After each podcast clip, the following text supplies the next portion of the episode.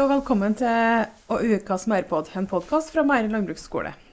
I dag skal vi ta turen inn på produksjonskjøkkenet på landbruksskolen for å høre om hvordan Matnavet i Midt-Norge jobber med praktisk kompetanseformidling til produsenter av lokal mat og drikke i Midt-Norge. Matnavet på Mære er ett av fem regionale kompetansenettverk, der matverksted er ett av flere kompetanseverktøy som eh, tilbys. Vi har med oss eh, Bett Tronstad, som er leder for kompetansenettverket, og Lars-Erik Jørgenvåg, som eh, jobber sammen med Bett på, på, mat, eh, på kompetansenettverket. Bett, hvilket kompetansetilbud kan dere på Matnavet gi til lokale, lokale mat- og drikkeprodusenter? Ja, det har jo gjennom mer enn 20 år vært eh, oppbygd og formidla kompetanse her på Matnavet på Mære. Og i starten så var det jo veldig viktig også å, å tilby matfaglig kompetanse. Det er fortsatt veldig viktig. Så det er jo kompetanse både innen eh, næringsmiddelteknologi, mikrobiologi, hygiene, IK-mat, HACCP uh, emballasjeteknologi Ja. Vi kan, uh, vi kan, holde på i, med ei lang liste. Ja.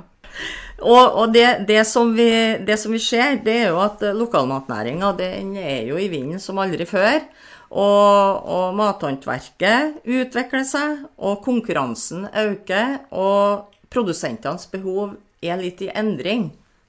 Så, og da må jo vi òg eh, tilpasse kompetansetilbudet.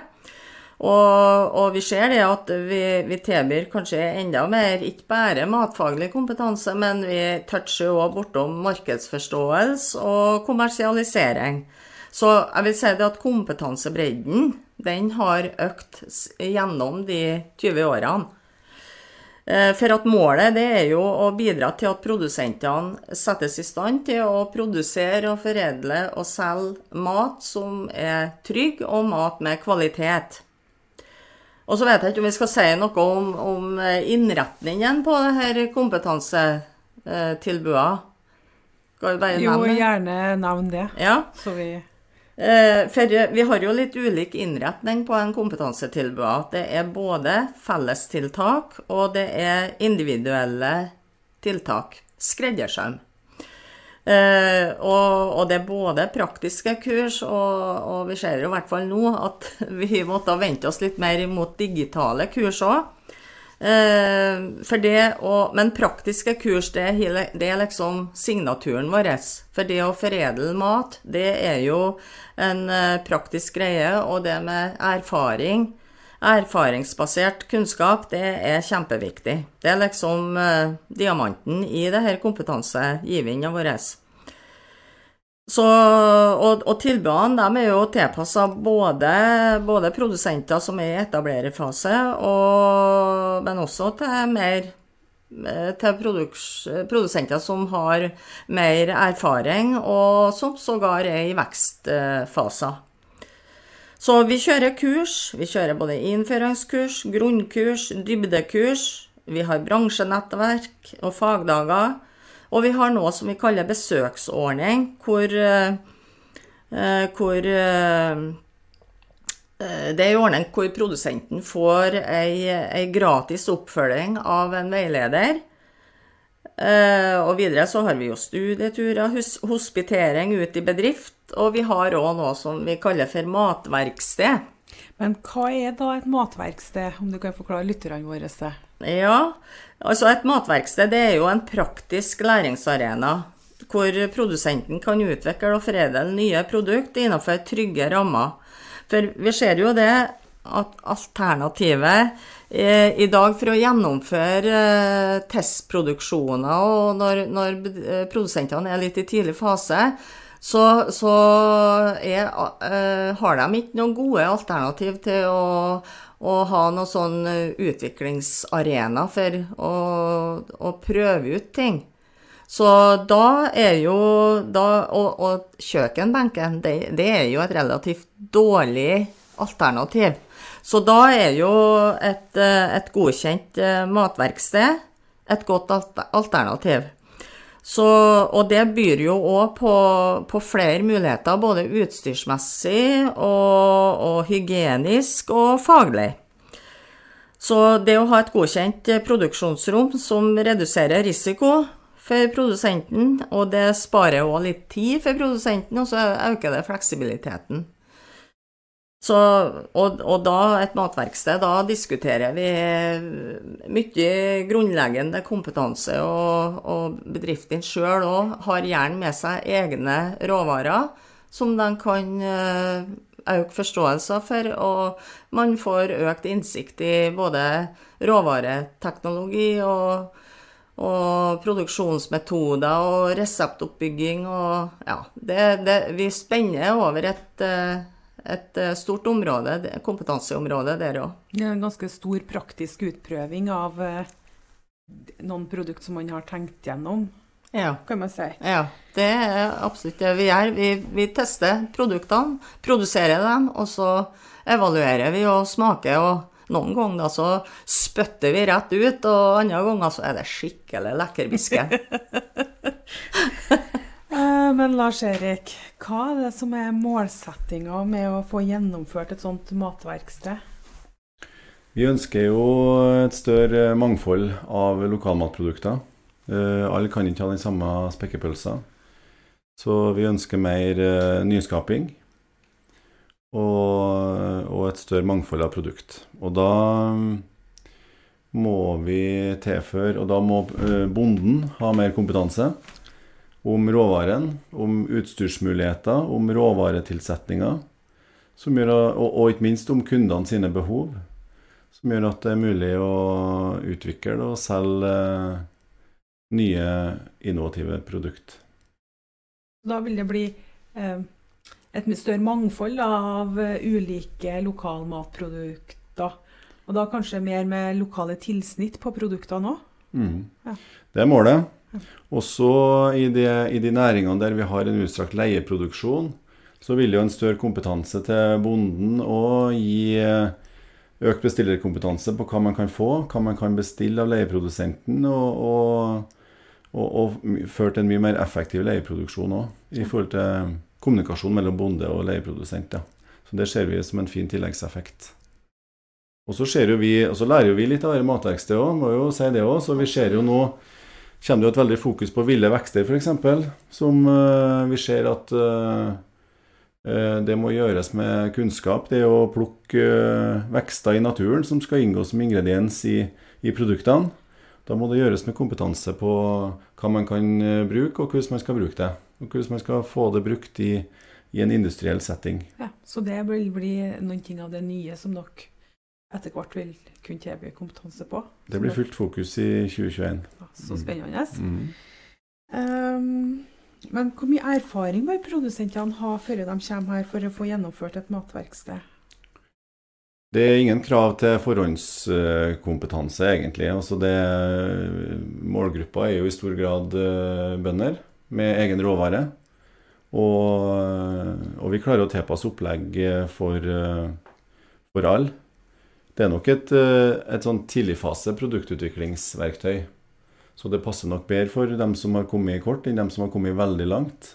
Ja. Men, eh, men erfaringa viser vel at vi klarer å få til gode tilbud òg for dem som har holdt på en stund. For alle trenger å utvikle nye produkt. Mm. Mm. Men hvor kommer produsentene fra i sånn geografisk utstrekning? Uh, I all hovedsak så må vi vel si at de, at de kommer fra Trøndelag.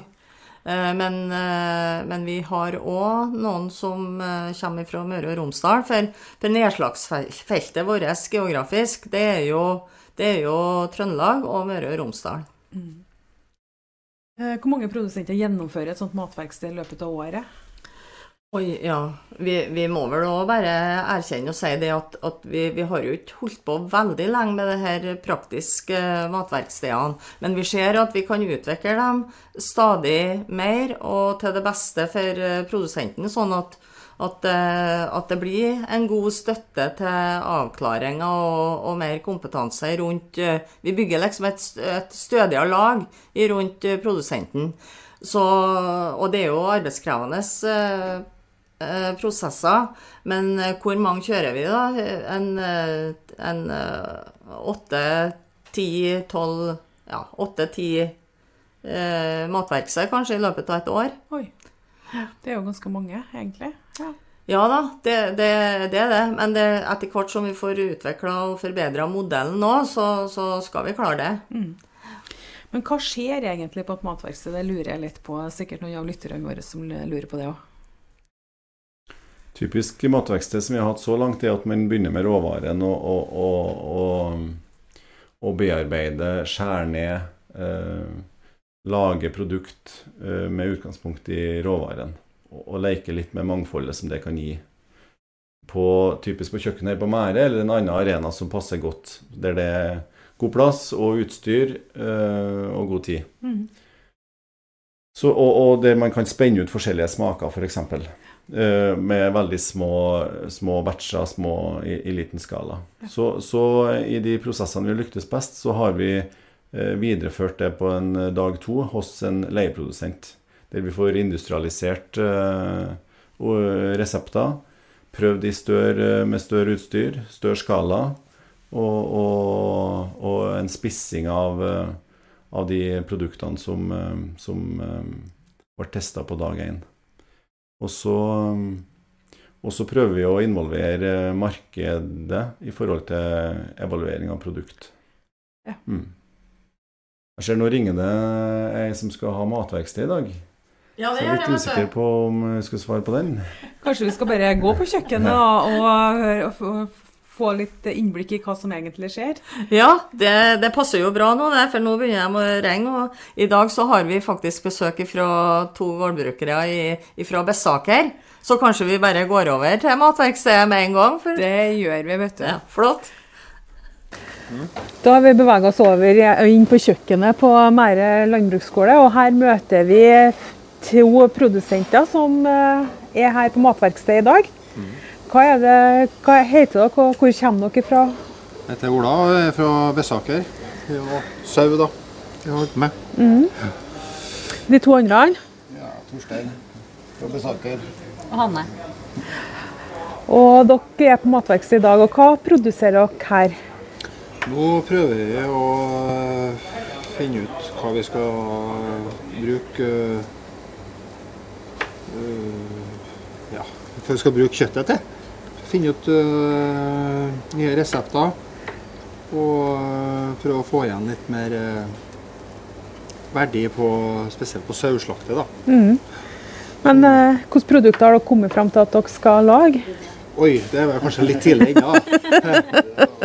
Men vi har prøvesmaka ytterfilet av sau og ytterfilet av lam nå. og Har vel kommet fram til at ytterfileten fra sau er bedre på smak enn ytrefileten på et lam. Ja. Det var godt begge to delene. Altså, men øh, det er et produkt som ikke er så enkelt å få i butikk. Så Ja.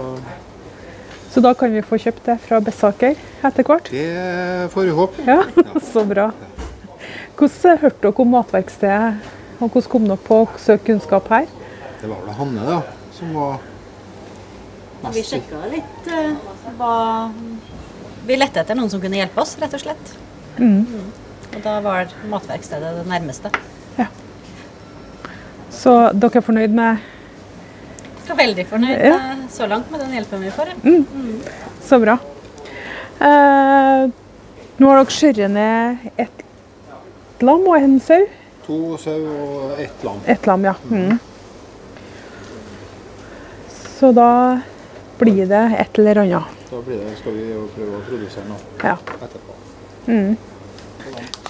Hvilke forventninger hadde dere til å komme hit til Matnavet? Nei da, jeg var er spent da, på å få tips og råd og hva vi kan gå videre med og prøve ut ting. da. Så jeg har hørt om folk som har vært her før oss og veldig gode tilbakemeldinger. Ja. Så det er positivt. Mm. Hvordan fungerte det når, når dere tok kontakt med Matnavet? Gikk det raskt, og dere fikk eh, Det ha Hanne svar på. Det det er ikke alt som går så raskt når det er sånn koronatid, men eh, vi fikk i stand et sånn Teams-møte i første omgang. Ja. Så fikk vi komme hit og prøve etterpå. mm. Så artig. Mm.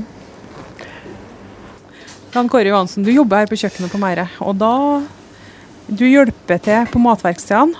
Og nå eh, skal du fortelle litt om hvordan man skal skjære ned, og hvordan man skal tilberede kjøtt. Mm.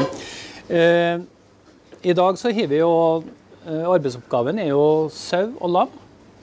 Og det er å klassifisere eh, de stykningsdelene som kan brukes til produksjon. F.eks.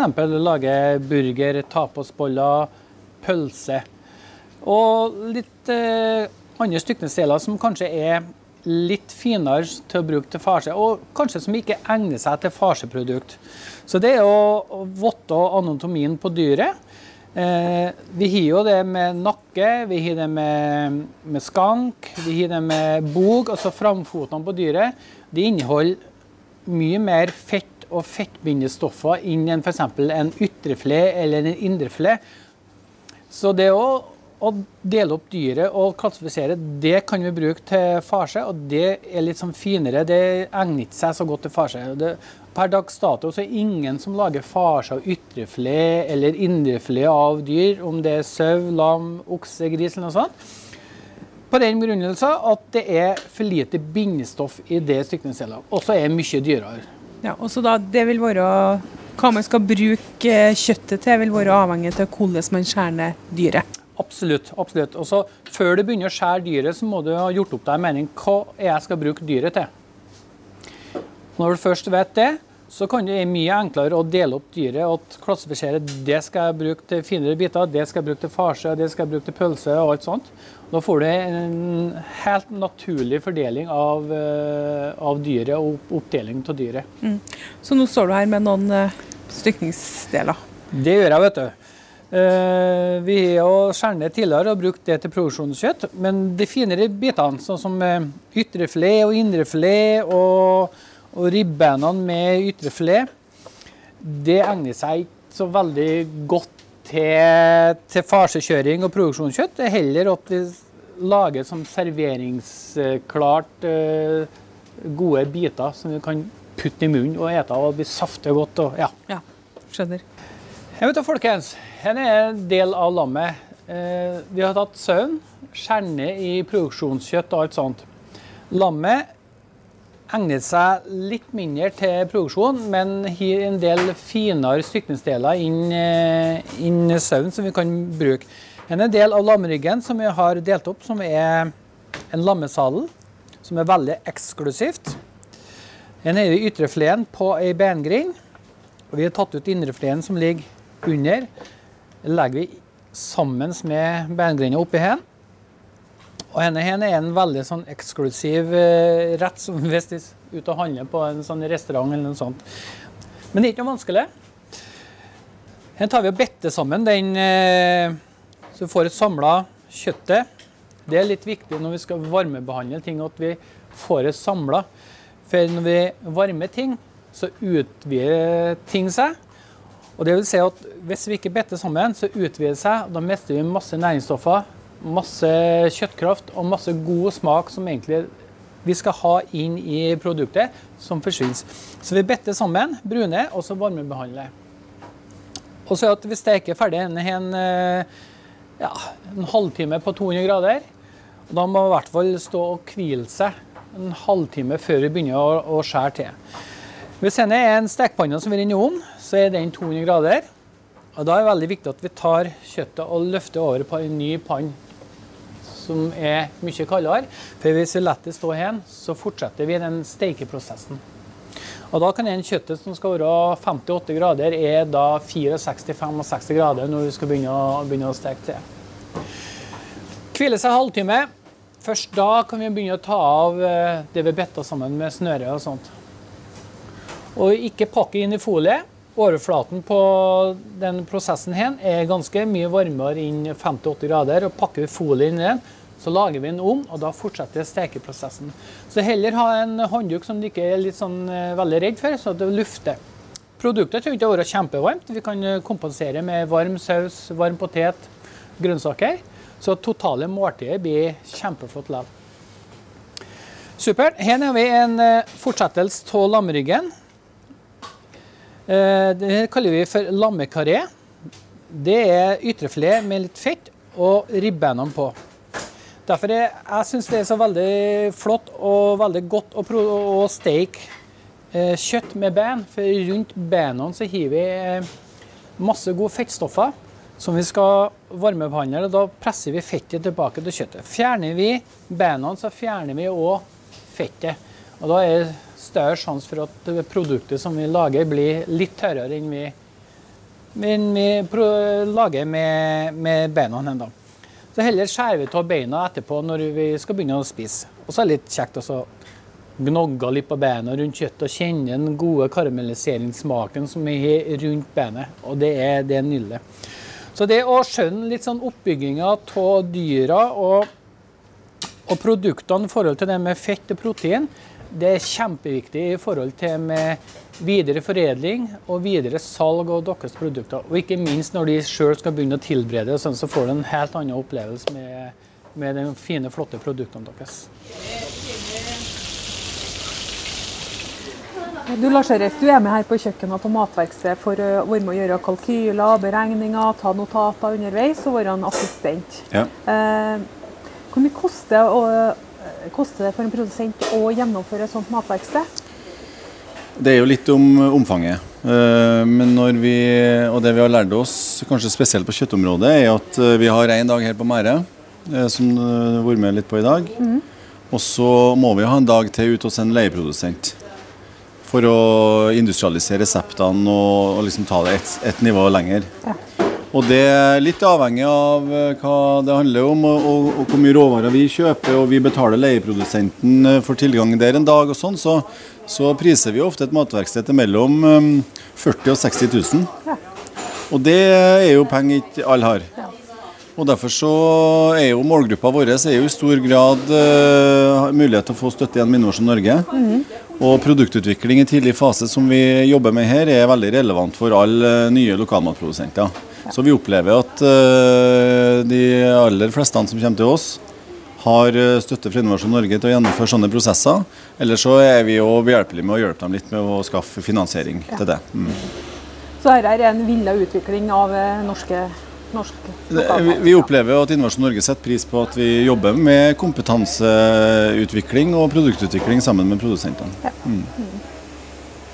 Er, er dere fornøyd med smaken på, på, eh, på produktet som dere har fått laga i dag? Ja, veldig fornøyd. Ja. Har dere prøvd ut mange ulike typer speinger? I dag så har vi prøvd eh, tre forskjellige Eller, det blir feil. Vi har prøvd eh, fem varianter. Eh, to med lam og tre med sau. Ja. Ja, Men med forskjellige kryddertilsetninger. ja forskjellige Tre forskjellige kryddertilsetninger. Ja.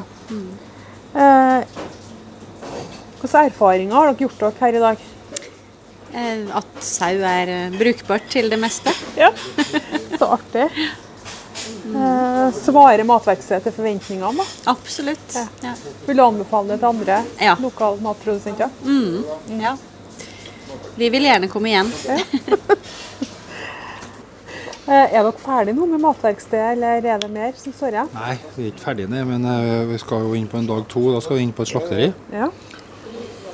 og prøve ut uh, flere resepter. Og eh, finne ut hva vi skal gå videre med. da. Få litt hjelp Ja. der òg. Med enda større oppskalering av produktene. Ja, det får vi nå håpe. Så etter hvert så vil vi kunne få kjøpt i butikken eller på en Reko-ring. Eller Det- må vi komme til Bessaker? Nei, Du må gjerne komme på besøk. Ja. Det er hjertelig velkommen til det. Da tror jeg vi tar turen til Bessaker og Ja. kjøper oss lammekjøtt og sauekjøtt og burgere og tapasboller. Indrefilet og ytrefilet av sau og lam. Da er Meirepadden over for denne gangen. Neste uke da skal vi på kjøkkenet igjen. og Da skal vi møte dem som går i for, på Forsvaret, som driver og lager julemat og forbereder årets julebord for elevene. På gjenhør.